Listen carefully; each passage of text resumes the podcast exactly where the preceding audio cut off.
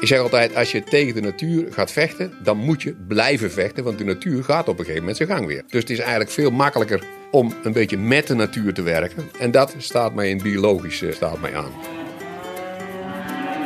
Welkom bij de podcast Biologisch Boeren over omschakelen naar de biologische melkveehouderij. Misschien overweeg je zelf om deze stap te maken. Zit je er middenin of ben je gewoon nieuwsgierig? In vier afleveringen nemen we je mee in de verschillende aspecten van omschakelen naar biologisch boeren. Want het woord omschakelen zegt het al.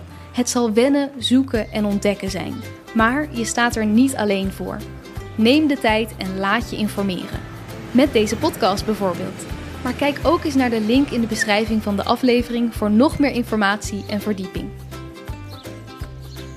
Deze aflevering draait om diergezondheid en dierenwelzijn.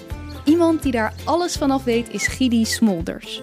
Pensionado met jarenlange ervaring in onderzoek naar biologisch boeren bij Wageningen UR Livestock Research.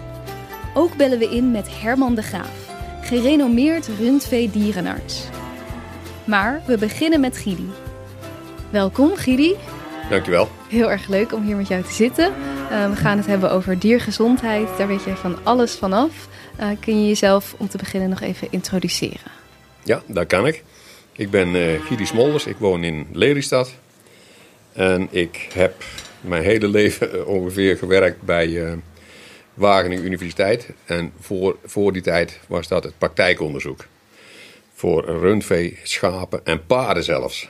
Ehm, heb 43 jaar gewerkt en de laatste 15 jaar in de biologische melkveehouderij. Ik, ik hou van boeren, van koeien en van gegevens van koeien, van data. Dus in die 15 jaar hebben we op het uh, praktijkonderzoek een hele grote databank gemaakt van de gegevens van 120 biologische bedrijven, melkveebedrijven in Nederland.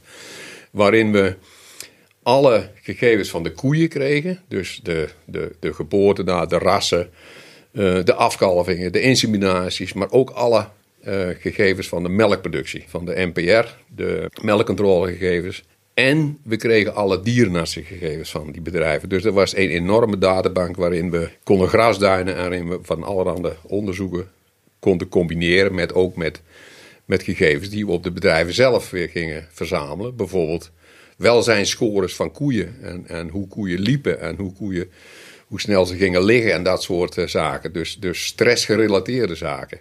Want wat is jouw affiniteit met biologisch? Waarom vind je dat belangrijk? Nou, dat is meer natuurlijk, denk ik. Ze hebben natuurlijk ook wel technische, technische snufjes en ze gebruiken ook uh, technische apparatuur en dat soort toestanden. Maar ze hebben toch, ze laten wat meer de natuur de gang gaan. Ik zeg altijd, als je tegen de natuur gaat vechten, dan moet je blijven vechten, want de natuur gaat op een gegeven moment zijn gang weer. Dus als je het maar even vergeet, dan gaat, neemt de natuur het weer over. En als je dat niet wilt, moet je dus blijven knokken. Dus het is eigenlijk veel makkelijker om een beetje met de natuur te werken, of veel met de natuur te werken. En dat staat mij in biologische staat mij aan. Dus het is wat natuurvriendelijker en wat milieuvriendelijker. Er zijn natuurlijk een aantal regels als het gaat om diergezondheid in behandeling. Maar jij zegt eigenlijk we moeten een stap eerder beginnen en het gaat om preventie. Ja. Wat voor dingen kan je dan aan denken? Ja, ik, ik zeg altijd als je moet behandelen ben je te laat. Je moet eerst dingen anders doen. En ja, dat noemen we preventie, maar dat zijn, preventie dat zijn een heleboel dingen. En misschien zelfs dingen die je denkt van ja, is dat preventief? Een goede stal, dat is erg preventief. Dus een, als je een hele slechte stal hebt waar die koeien niet uit de voeten kunnen, dan hebben ze allerhande beschadigingen en het is stress en dit. Dat is, dat, dat, dat is gewoon een, een bron van, van, van ellende voor die koeien. En wat is dan een goede stal? Een goede stal, moeten, ze moeten de ruimte hebben. Ze moeten, uh, er moeten geen dode hoeken in zitten. Ze moeten een zacht likbed hebben. Nou ja, en, en, ik vind de beste stal vind ik een vrijloopstal of een potstal. Waarom vind jij die stallen de beste stallen? Vrijloopstallen en potstallen, daar heeft een koe de volledige vrijheid. Vroeger hadden we gerupstallen. Toen waren ze erg beperkt. Toen kwamen de lichtboxenstallen. En dat was natuurlijk niet om die koe de vrijheid te geven. Nee, dat was om meer efficiënt te kunnen werken. Dan kon die koe die kon zelf naar het voerrek komen, die kon zelf naar de melkstal gaan. Maar die likboxen, dat, was, dat is natuurlijk één grote beperking van de vrijheid van die koeien. Want die koe die moet er precies in passen. Eh, die, die, die, want anders dan wordt die, die box vuil en dat, dat willen we niet. Eh, dan komt er mest in die box, dus er moet, precies moet dat passen. En ik heb op een heleboel bedrijven heb ik gekeken, uh, en dat, dat kun je zelf ook proberen, hoe snel gaat een koe liggen.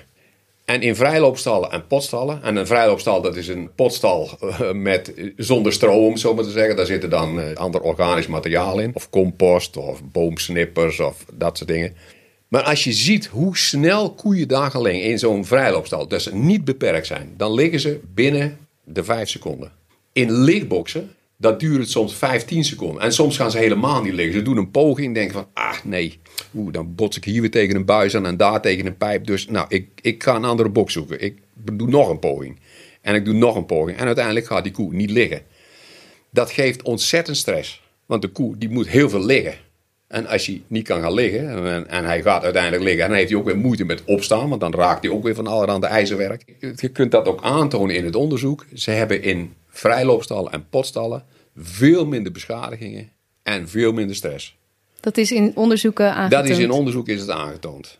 De potstallen, daar zijn mensen die zijn daar niet zo wild van, omdat ze zeggen, ja, maar dat, is, dat geeft een hoog celgetal en zo. Dat ligt er maar net aan hoe je, hoe je die behandelt. We hebben, in onderzoek hebben we op heel veel bedrijven celgetallen verzameld. En dat was op lichtboxenstallen met allerhande verschillende strooisteltypen. Maar ook op potstallen en vrijloopstallen. En de range in celgetallen is op alle bedrijven hetzelfde. Dus ook in een potstal kan het slecht, maar het kan ook hartstikke goed. In een lichtboxenstal kan het slecht, dus dat je maar 5% hoog celgetal hebt. Maar het kan ook 30 of 40% zijn. Dus dat ligt er maar net aan hoe je management is.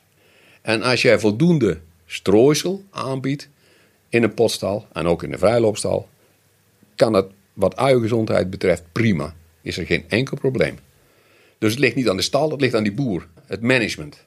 En wat zijn andere zaken die nog horen bij preventie? Er moet voldoende weidegang zijn. Ja, je moet weiden op biologische bedrijven. We hebben ook wel eens onderzoek gedaan op bedrijven die weiden en bedrijven die niet weiden. Nou, op, de, op bedrijven die weiden, daar zijn de poten van de koei, de klauwen, die zijn gewoon een stuk beter. De, ze hebben, het is een meer natuurlijk, er zijn minder infecties. De, de soort koe is belangrijk, wat preventie betreft. Een koe die niet op je bedrijf past, die is altijd gestrest. En misschien is die boer daar ook nog wel weer gestrest van. Dus dat, dat grijpt dan op elkaar in. En wanneer past het niet? Als, die koe, als jij een koefok die 10.000 melk, liter melk wil produceren, een melkgedreven koe, en je kunt op je bedrijf maar voor 7000 liter melk leveren, dus in het management, in de voeding, in de stal, in de verzorging, dan gaat het fout.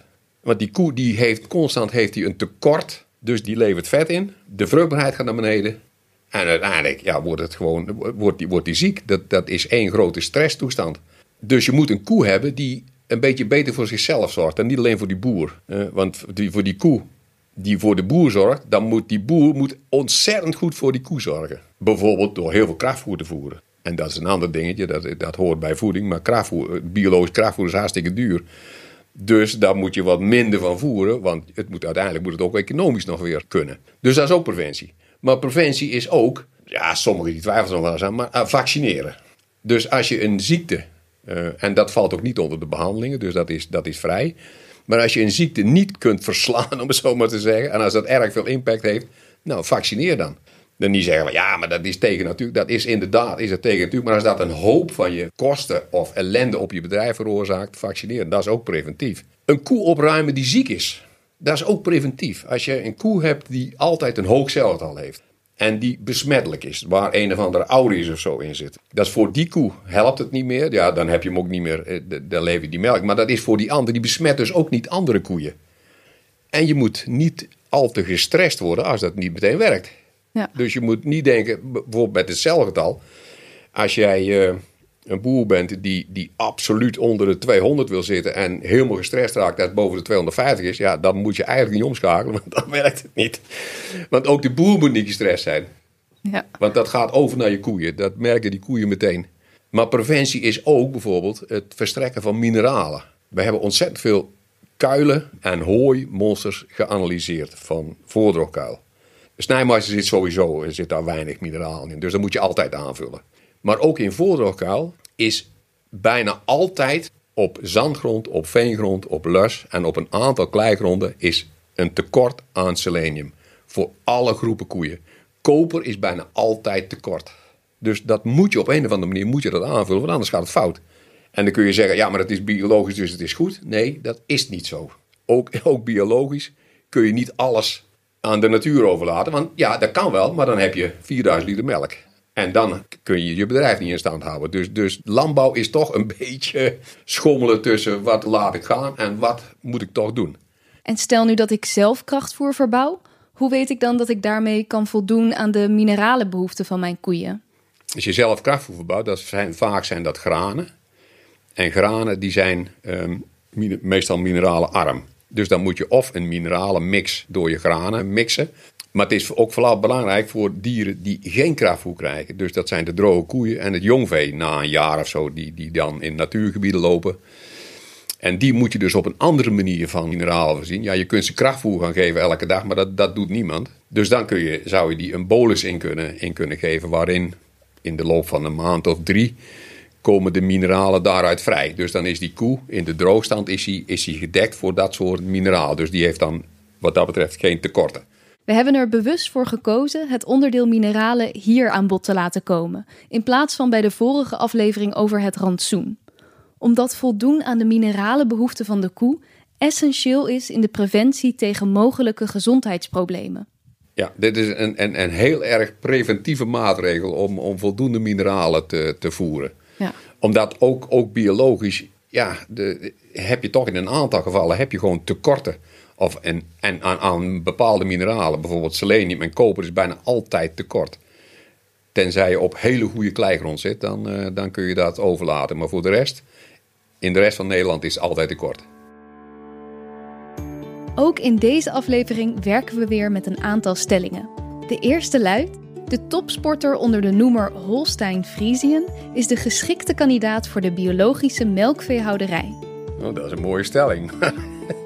dat, ik, zou, ik zou het zo, zo niet. Uh, het is de topsporter, dat is, dat is sowieso. Maar of je voor de biologische houderij de meest geschikte is, dat waar ik zeer te betwijfelen. En waarom?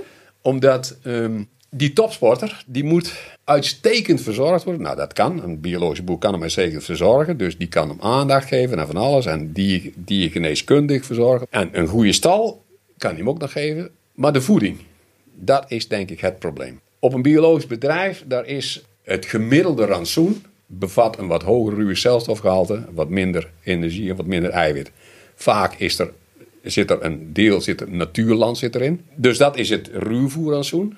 En biologisch krachtvoer is hartstikke duur. En een topsporter, die moet krachtvoer hebben. Dus als je wat wilt verdienen, moet, moet je dat naar beneden brengen. Dus dan past die koe niet meer. Want die komt vooral aan het het begin van de lactage, of na, zeg maar na twee, drie maanden, dan komt hij tekort. Dus dan wordt het gat tussen wat hij nodig heeft voor die productie.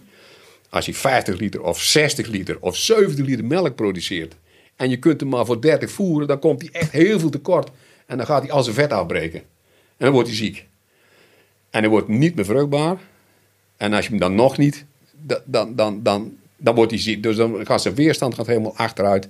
Dus dan heb je één brok ellende. Dus die topsporter, laat die maar op andere bedrijven. En voor biologisch, dan moet je je koe aanpassen op wat je bedrijf levert. En als jij bijvoorbeeld heel veel natuurland in je bedrijf hebt, dan moet je niet meer willen dan 6000 liter melk. Want dat, dat, dat wil gewoon niet. Dan blijf je maar knokken en knokken en knokken en elke keer is het weer wat. Daarom zeg ik, je koe moet bij je bedrijf passen. Dus fok geen koe die je als boer niet bij kunt houden. Bij het thema diergezondheid kan een veearts natuurlijk niet missen. Rundveearts Herman de Graaf kon er helaas niet live bij zijn, maar daarom bellen we even met hem in.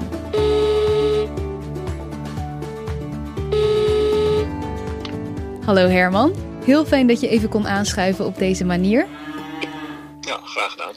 Kan je vertellen, jij bent dierenarts. Ehm, wat voor verschillen zie je tussen gangbaar en uh, biologisch? Um ik denk dat het grootste verschil is dat biologische bedrijven over het algemeen extensiever zijn. Dat houdt in dat, dat ze meer melk uit de ruwvoer halen. Dus koeien hebben meer een ruwvoerrantsoen, dus minder krachtvoer. Plus er wordt natuurlijk uh, bewijd Dat is bij gangbaar lang niet, lang niet altijd het geval. Dus je hebt de invloed van het uh, weideseizoen, van het gras. dus dat is denk ik over het algemeen het grootste verschil. En waar wij af en toe als dierenarts tegenaan lopen, is dat waar we een gangbare houderij wordt toch nog meer met antibiotica gewerkt. De biologische veehouderij is dan natuurlijk veel meer een uitzondering. En, nou, dat, dat kun je prima compenseren, maar dan moet je dan doen met managementmaatregelen. En je had het net over die verschillen in uh, antibioticumgebruik. Wat voor verschillen zien jullie daarin als het gaat om effect? Nou, wat je ziet is dat, dat biologische bedrijven gebruiken over het algemeen veel minder antibiotica. Daartoe worden ze door de regelgeving natuurlijk ook, ook deels gedwongen. In de gangbare landbouw neemt het antibiotica gebruik bij melkveehouderijen bedrijven eigenlijk ook wel redelijk fors af. Uh, biologische bedrijven zijn nog wat meer gericht op preventie. Dat is denk ik ook deels noodgedwongen, maar ook eigenlijk een hele gunstige ontwikkeling. Waardoor je ook wat minder medicijnen nodig hebt. En omdat ze ook vaak in schaalgrootte minder groot zijn, uh, zie je daardoor ook wat, wat minder druk op die gezondheid. Zodat je ook uh, minder hoeft te corrigeren. Dus de, dieren worden over het algemeen heb ik die gevoel toch iets minder snel ziek. Omdat ze gewoon vanuit zichzelf wat meer weerstand hebben. En dat, dat is deels te maken met de manier verouderen, de preventieve maatregelen die genomen worden. Maar ook de mate van uh, de grootte van het bedrijf, zeg maar. Dus je hebt uh, iets minder grote groepen. En daarvan weten we gewoon dat als de groepsgrootte toeneemt, infectieuze dierziektes ook toenemen. Zie je dat over die groepsgrootte ook in de onderzoeken die jij hebt gedaan, Gidi? Nou, de, de groepsgrootte dat heeft ook te maken met de aandacht die je voor, voor individuele dieren kunt hebben. En, en dat is wel duidelijk dat dat invloed heeft. Maar het, het is, ik neem aan, Herman, dat je het ermee eens bent dat niet alle boeren met een groot bedrijf, dat die het slechter doen. Want dat ligt er maar net aan. als de echte, koe, als het echte koeienboeren zijn, zeg maar, dan gaat het ook op een groot bedrijf gaat het goed. En als het geen echte koeienboeren zijn, dan gaat het ook op een klein bedrijf gaat het slecht, zijn dan wel eens. Nee, dus- dat is wel helder. Alleen over het algemeen als de groepen groter ja, worden... Ja, ja dan, wordt, dan wordt het gewoon moeilijker. Altijd, altijd gevoelige dieren aanwezig Die, een, uh, die een infectie kunnen doormaken. Dus dan, dan zie je dus, dus zeker bij infectieziektes zie je gewoon dat, dat je daar over het algemeen wat meer problemen mee kunt hebben. Ja, ja, en jullie noemen nu net een, een echte koeienboer. En uh, Herman, je had het al over management. Um, ja, wat is nou belangrijk in, in het management om, om ervoor te zorgen dat die koeien gezond blijven? Eigenlijk is het, nou, dat, is het vakmanschap en dat blijft altijd heel lastig. Dat heeft te maken met hoe goed ken je je dieren, hoe goed ken je het gedrag van je dieren en kun je dus aan een dier zien of die gezond, CQ minder gezond is, CQ ziek.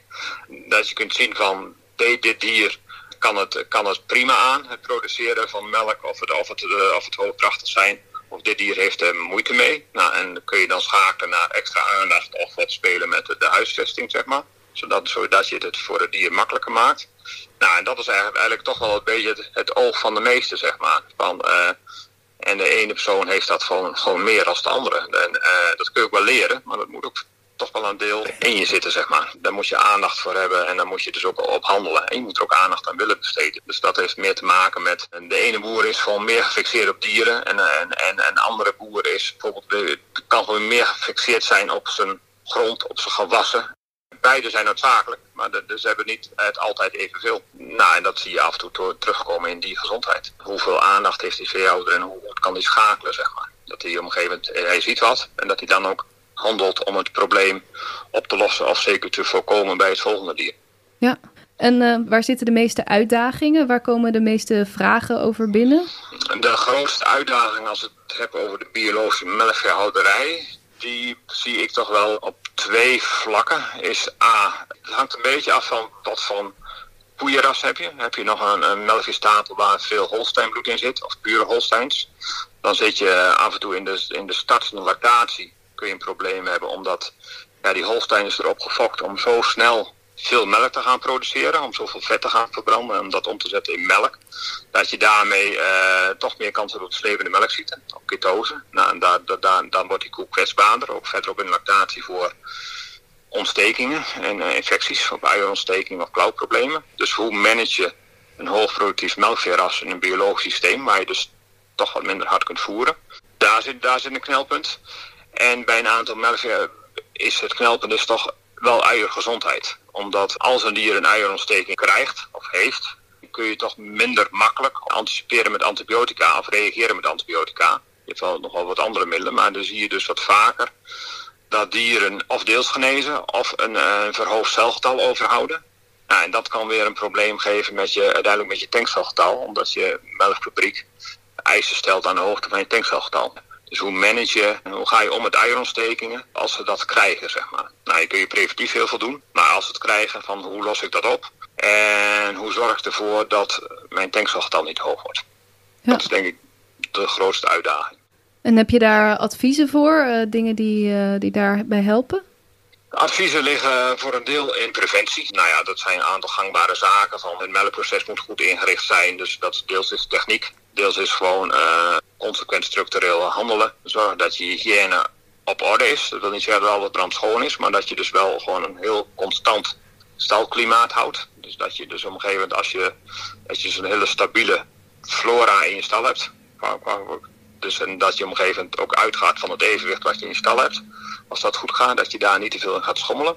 En daarnaast is het van kies bewust op een gegeven moment, en dat kan soms wat jaren duren, naar een, een, een, een, een koeienras. Dat kan een kruising zijn, dat kan ook een ander ras zijn, wat goed bij, bij je productiedoel past. Kijk, de ene biologische melkveehouder die neemt genoegen met een productie van 6.500 of 7000 kilogram per koe per jaar. Terwijl de ander die wil eigenlijk toch, toch nog meer melk produceren. En die, die hangt dus wat meer aan die, aan die Holsteinkoe. Maar dan moet je dus wel die slepende melkziekte, begin lactatie, die moet je kunnen handelen, dat moet je kunnen voorkomen. En dat eist ook uh, vakmanschap, zeg maar. Dus, dus kies bewust het, het koeienras dat bij je past. En neem bewust preventieve maatregelen. En uh, dat, kan, dat is dus deels zo uh, hygiëne kan deels ook zijn door middel van vaccinaties, dat je gericht weerstand probeert te verhogen. En ja, dus daar zijn verschillende mogelijkheden voor. En dat kan meestal een overleg met je dierenarts of andere adviseurs. Uh, Herman, is er bij jou ook veel vraag naar, naar alternatieve middelen voor behandelen? Of, of, doen, of doen jullie daar helemaal niet in? Die, die hebben wij wel. Ja? Uh, daar ligt meteen wel een bottleneck. En dat heeft te maken dat. Kijk, wij dierenartsen zijn natuurlijk op een, allemaal in Utrecht geschoold, op een wetenschappelijke manier geschoold. Waarin de opleiding beperkt aandacht is voor alternatieve middelen, zeker in het verleden. En als je dan gaat kijken naar alternatieve diergeneesmiddelen en naar het onderzoek wat daaronder ligt, ja, is dat voor ons af en toe toch heel mager onderbouwd, zeg maar. En dat maakt het gewoon wel lastig om uh, daar vanuit onze achtergrond gerichte adviezen over te geven. Een aantal middelen, wordt zeker op uh, boerderijniveau uh, gebruikt. Alleen de, de resultaten daarvan zijn gewoon wel wisselend. Dus ik, ik, zou heel graag willen dat daar meer uh, goed onderzoek naar gedaan zou worden. Zodat we dat ook met onze achtergrond wat gerichter kunnen adviseren. We hadden het net met Gidi ook over mineralen. En toch dat als je biologisch voer gaat produceren, dat je wat lager in je selenium en koper zit. Merk je ook in de praktijk dat koeien daarom qua gezondheid uit balans raken? Ja, ik maak het wel mee. Alleen bij toeval is het zo dat de biologische bedrijven die wij in de praktijk hebben, die zitten uh, op uh, semi-rivierkleigronden. Dus die leveren meer mineralen. Dus wij, hebben, wij hebben dat probleem eigenlijk niet zo. Maar ik kan me zeker voorstellen, ik maak het in, in, in de praktijk uh, nog wel regelmatig mee. Dat zijn dan meer zo goede bedrijven die die zijn niet biologisch, maar die zitten wel op extensieve gronden. Dat we daar inderdaad met enige regelmaat mineralen tekorten zien, zeg maar. Dus daar zul je toch iets met moeten, aandacht voor moeten hebben, zeker supplementeren.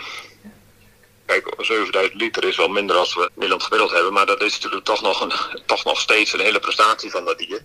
Dus die heeft wel daar, daarvoor de bouwstenen nodig, want ze moeten nog elk jaar of elk anderhalf jaar een kalf krijgen ergens daartussenin. Dus uh, ja, je vraagt veel voor het dier, dus een goede voeding en mineralen worden daarbij. Oké, super. Um, heel veel dank Herman voor uh, al je informatie. Graag gedaan. En ik denk met, zeker met, met goede preventieve maatregelen en een goed management is een koppel biologische melkkoeien kan zeer goed en stabiel functioneren. Heel fijn, goede conclusie. Oké, okay. succes met de podcast. Heel veel dank Herman voor het delen van jouw expertise. In het eerste deel van het gesprek met Gidi hadden we het vooral over preventie en dat behandelen pas als allerlaatst komt. Maar biologisch betekent natuurlijk niet dat je helemaal niet behandelt. Dus hoe behandel je? En wat is daarin het verschil met gangbaar?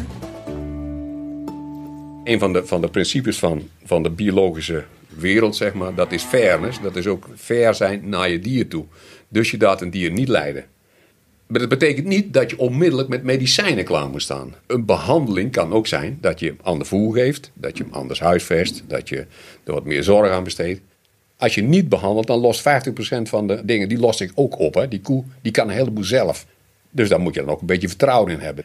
Maar als je gaat behandelen, zijn er een paar regels. Je moet eigenlijk beginnen met behandelen met niet-reguliere geneesmiddelen. Alleen dat is in Nederland vrij moeilijk, omdat er bijna geen um, geregistreerde alternatieven meer zijn. Ja, want wat zijn niet gereguleerde geneesmiddelen? Nou, dat, die zijn niet geregistreerd. Er is dus geen onderzoek aan gedaan. Dat is net als de dierenarts ook al noemde. Dus dat, daar is geen bewijs van dat ze, dat ze werken. En er is ook geen bewijs van dat ze niet schadelijk zouden kunnen zijn. Maar die zijn er natuurlijk wel. Er is vanuit het verleden, zeg maar, de Chinese geneeskunde, dat was allemaal op kruiden en dat soort zaken gebaseerd. Alleen voor het onderzoek is nauwelijks geld, omdat er niet een groot consortium achter zit die zegt van hé, wij gaan daar onderzoek naar doen en bewijzen dat dat zo is. En tegenwoordig moet het evidence-based zijn, dus dat komt niet meer in aanmerking. Dus die, die middelen worden niet geregistreerd. Dus dat is één ding. Je, bij voorkeur alternatieven. Als die er niet zijn, dan mag je dus ook reguliere geneesmiddelen gebruiken onder toezicht van een dierenarts. Dat kan antibioticum zijn, maar dan mag je dan drie behandelingen, een koe bijvoorbeeld mag je drie keer per jaar behandelen. En dat betekent drie series van behandelingen, bij wijze van spreken. Want als een koe mastitis heeft, dan is één behandeling. Dat is bijvoorbeeld drie dagen, twee keer per dag behandelen. Dat is dan één behandeling. Dan knapt hij op. En dan doe je drie weken later, als je pech hebt, heeft hij het weer. Dan kun je nog een keer behandelen. Drie weken later heeft hij het weer. Als je de zaak, als je de, de, de kraan niet dichtgedraaid hebt, zeg maar, niet opgelost waarom die ziek wordt, dan heeft hij nog een keer. Als je dan nog een keer ziek wordt, dan moet hij terugschakelen naar, mag je dus eigenlijk geen melk meer leveren en geen vlees, want dan is die koe niet meer biologisch. Dus drie, drie behandelingen en dat is het. En je hebt een dubbele wachttijd. Dus uh, als voor een medicijn een wachttijd geldt van twee dagen, dan is het biologisch vier dagen. Als er geen wachttijd geldt, dan is het biologisch 48 uur. Dus je hebt altijd 48 uur wachttijd. En dat is om er zeker van te zijn dat er echt geen residuen in de producten zitten. Op zich is dat begrijpelijk. Je kunt zeggen van nou, na twee dagen is het eruit. Ja, of is het na twee dagen beneden de detectiegrens. Kun je het niet meer aantonen, maar zit het er nog wel in. Dus biologisch dubbele wachttijd. Een ander ding van behandelen is dat de reguliere of de, de wettelijke maatregelen die zijn altijd toegestaan. Dus je mag vaccineren. Dat valt buiten de, de behandelingen. Die tellen dus niet mee als behandeling. En een ander ding is bijvoorbeeld bij uiengezondheid. Er is het dichtzetten van spenen met bijvoorbeeld Orbicil. Orbicil telt in Nederland als een behandeling. En dat is op zich is dat raar. En er is ook wel oppositie tegen. Maar dat telt als een behandeling. Terwijl het geen antibioticum is en er eigenlijk ja, nauwelijks iets in het systeem van die koe komt. Dus drie behandelingen. En voor een dier wat maar een jaar op het bedrijf mag je maar één behandeling. Wat zie je dan? Bijvoorbeeld, we hebben in het onderzoek nogal veel aandacht besteed aan het antibioticumgebruik. Toen zat biologisch op 1,7 en de gangbare zat op 5,8 dierdagdoseringen, dus per dier. Dat is gigantisch hoog. Ook biologisch waren er bedrijven bij die ontzettend hoog zaten. Maar er was ook 20% van de bedrijven die zeggen: Ik wil helemaal geen antibioticum gebruiken.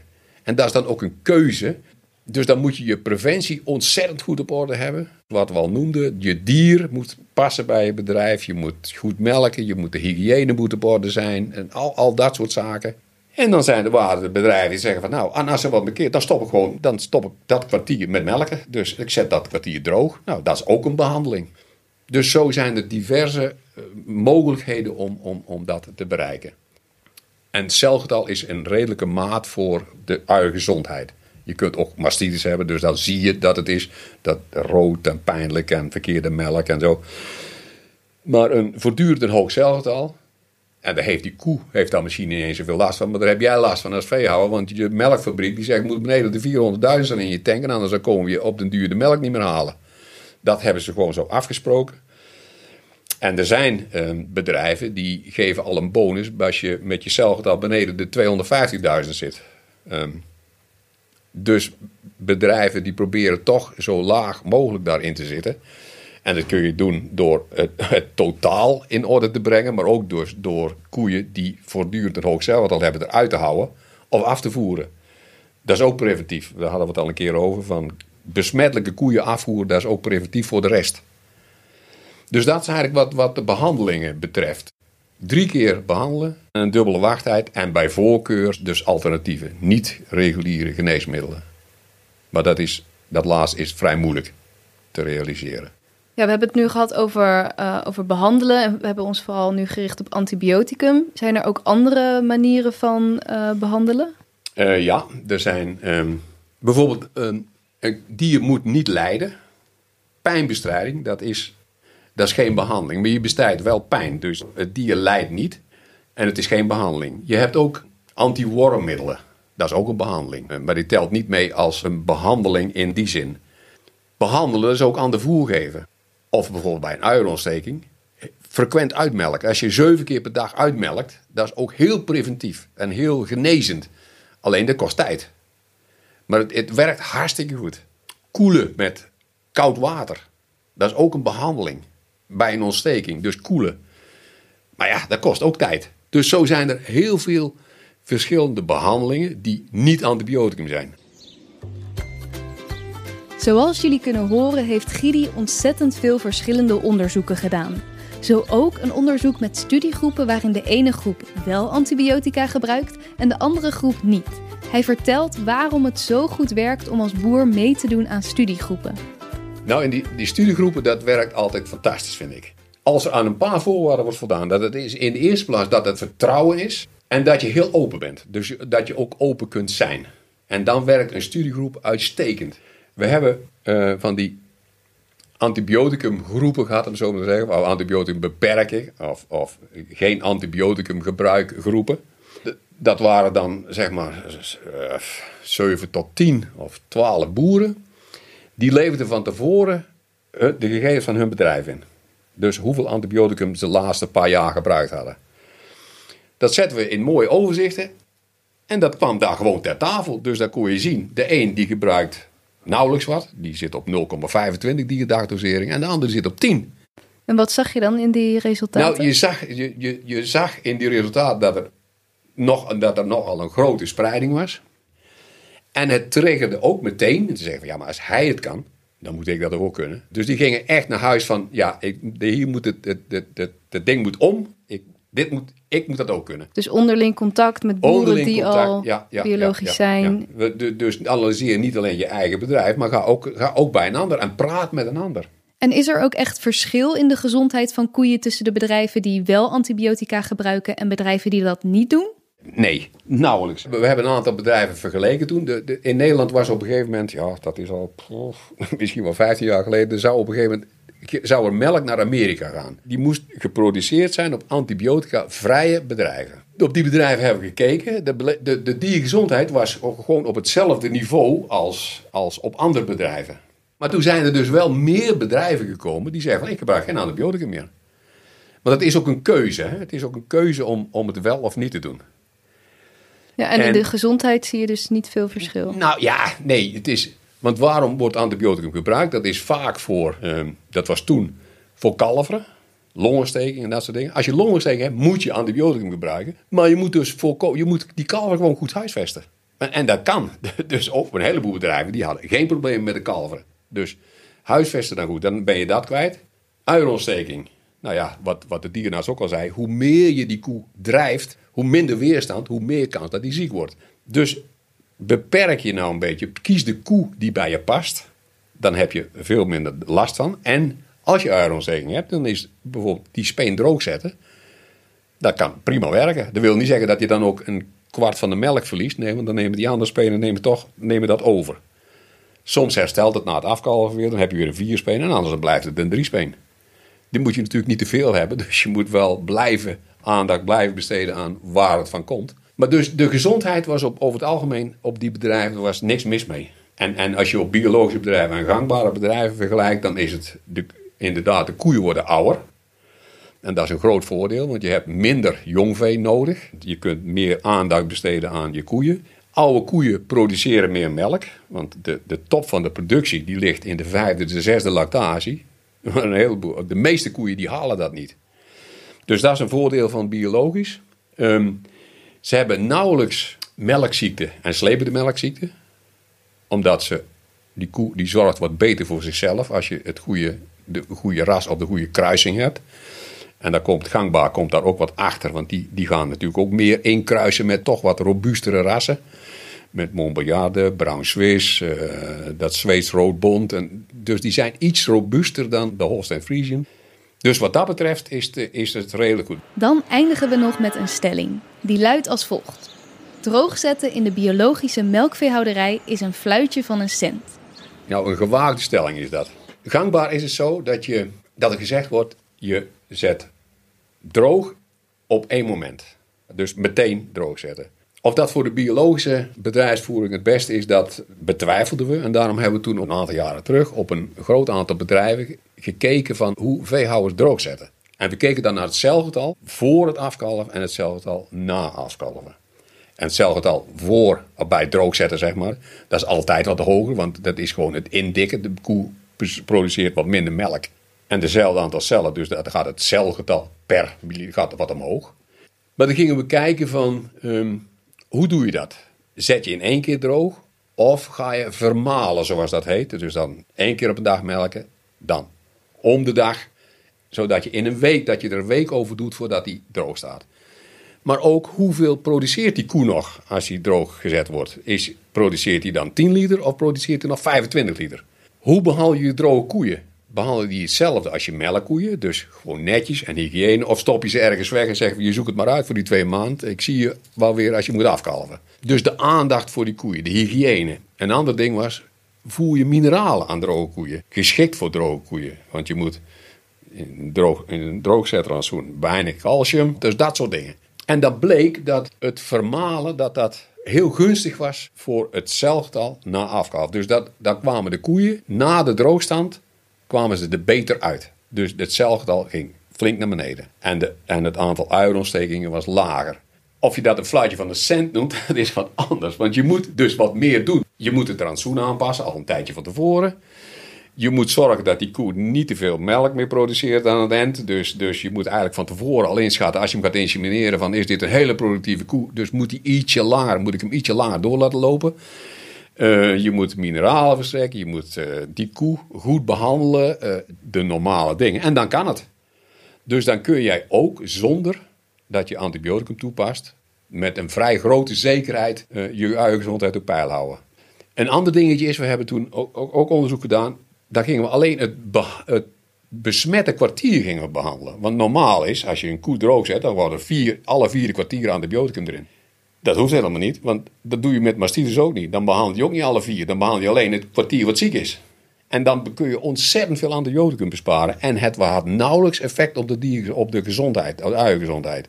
Je had 1% meer mastitis binnen 10 dagen. En na 100 dagen was het totaal geen effect meer. Dus daar wordt wel eens gezegd van ja, maar als je het niet, in de droogstand niet behandelt, dan krijg je die mastitis allemaal daarna. Nee, dat is niet zo. Maar je moet dan in de droogstand moet je het wel netjes doen. Dankjewel, Gidi. We zijn een hele hoop informatie rijker. Heb jij tot slot nog één gouden tip? Vertrouw erop dat het goed komt. Je bent boer, je hebt de kennis.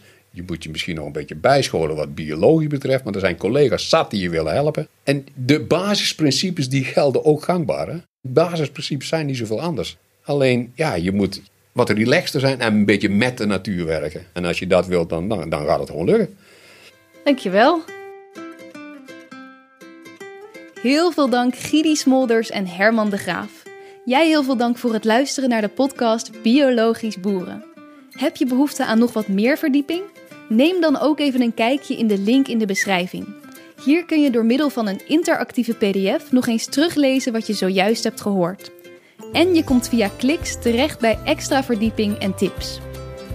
In onze volgende aflevering, de laatste alweer, duiken we in de economische aspecten van omschakeling. Wat levert het eigenlijk op? En weegt dat op tegen de uitdagingen van minder koeien, meer land en de kosten van biologisch voer? Kees Water van EcoPart zal ons hier meer over vertellen. Heb je iets aan deze podcast gehad? Deel hem dan met een collega-boer die ook denkt aan omschakelen of met een andere geïnteresseerde. Tot de volgende aflevering.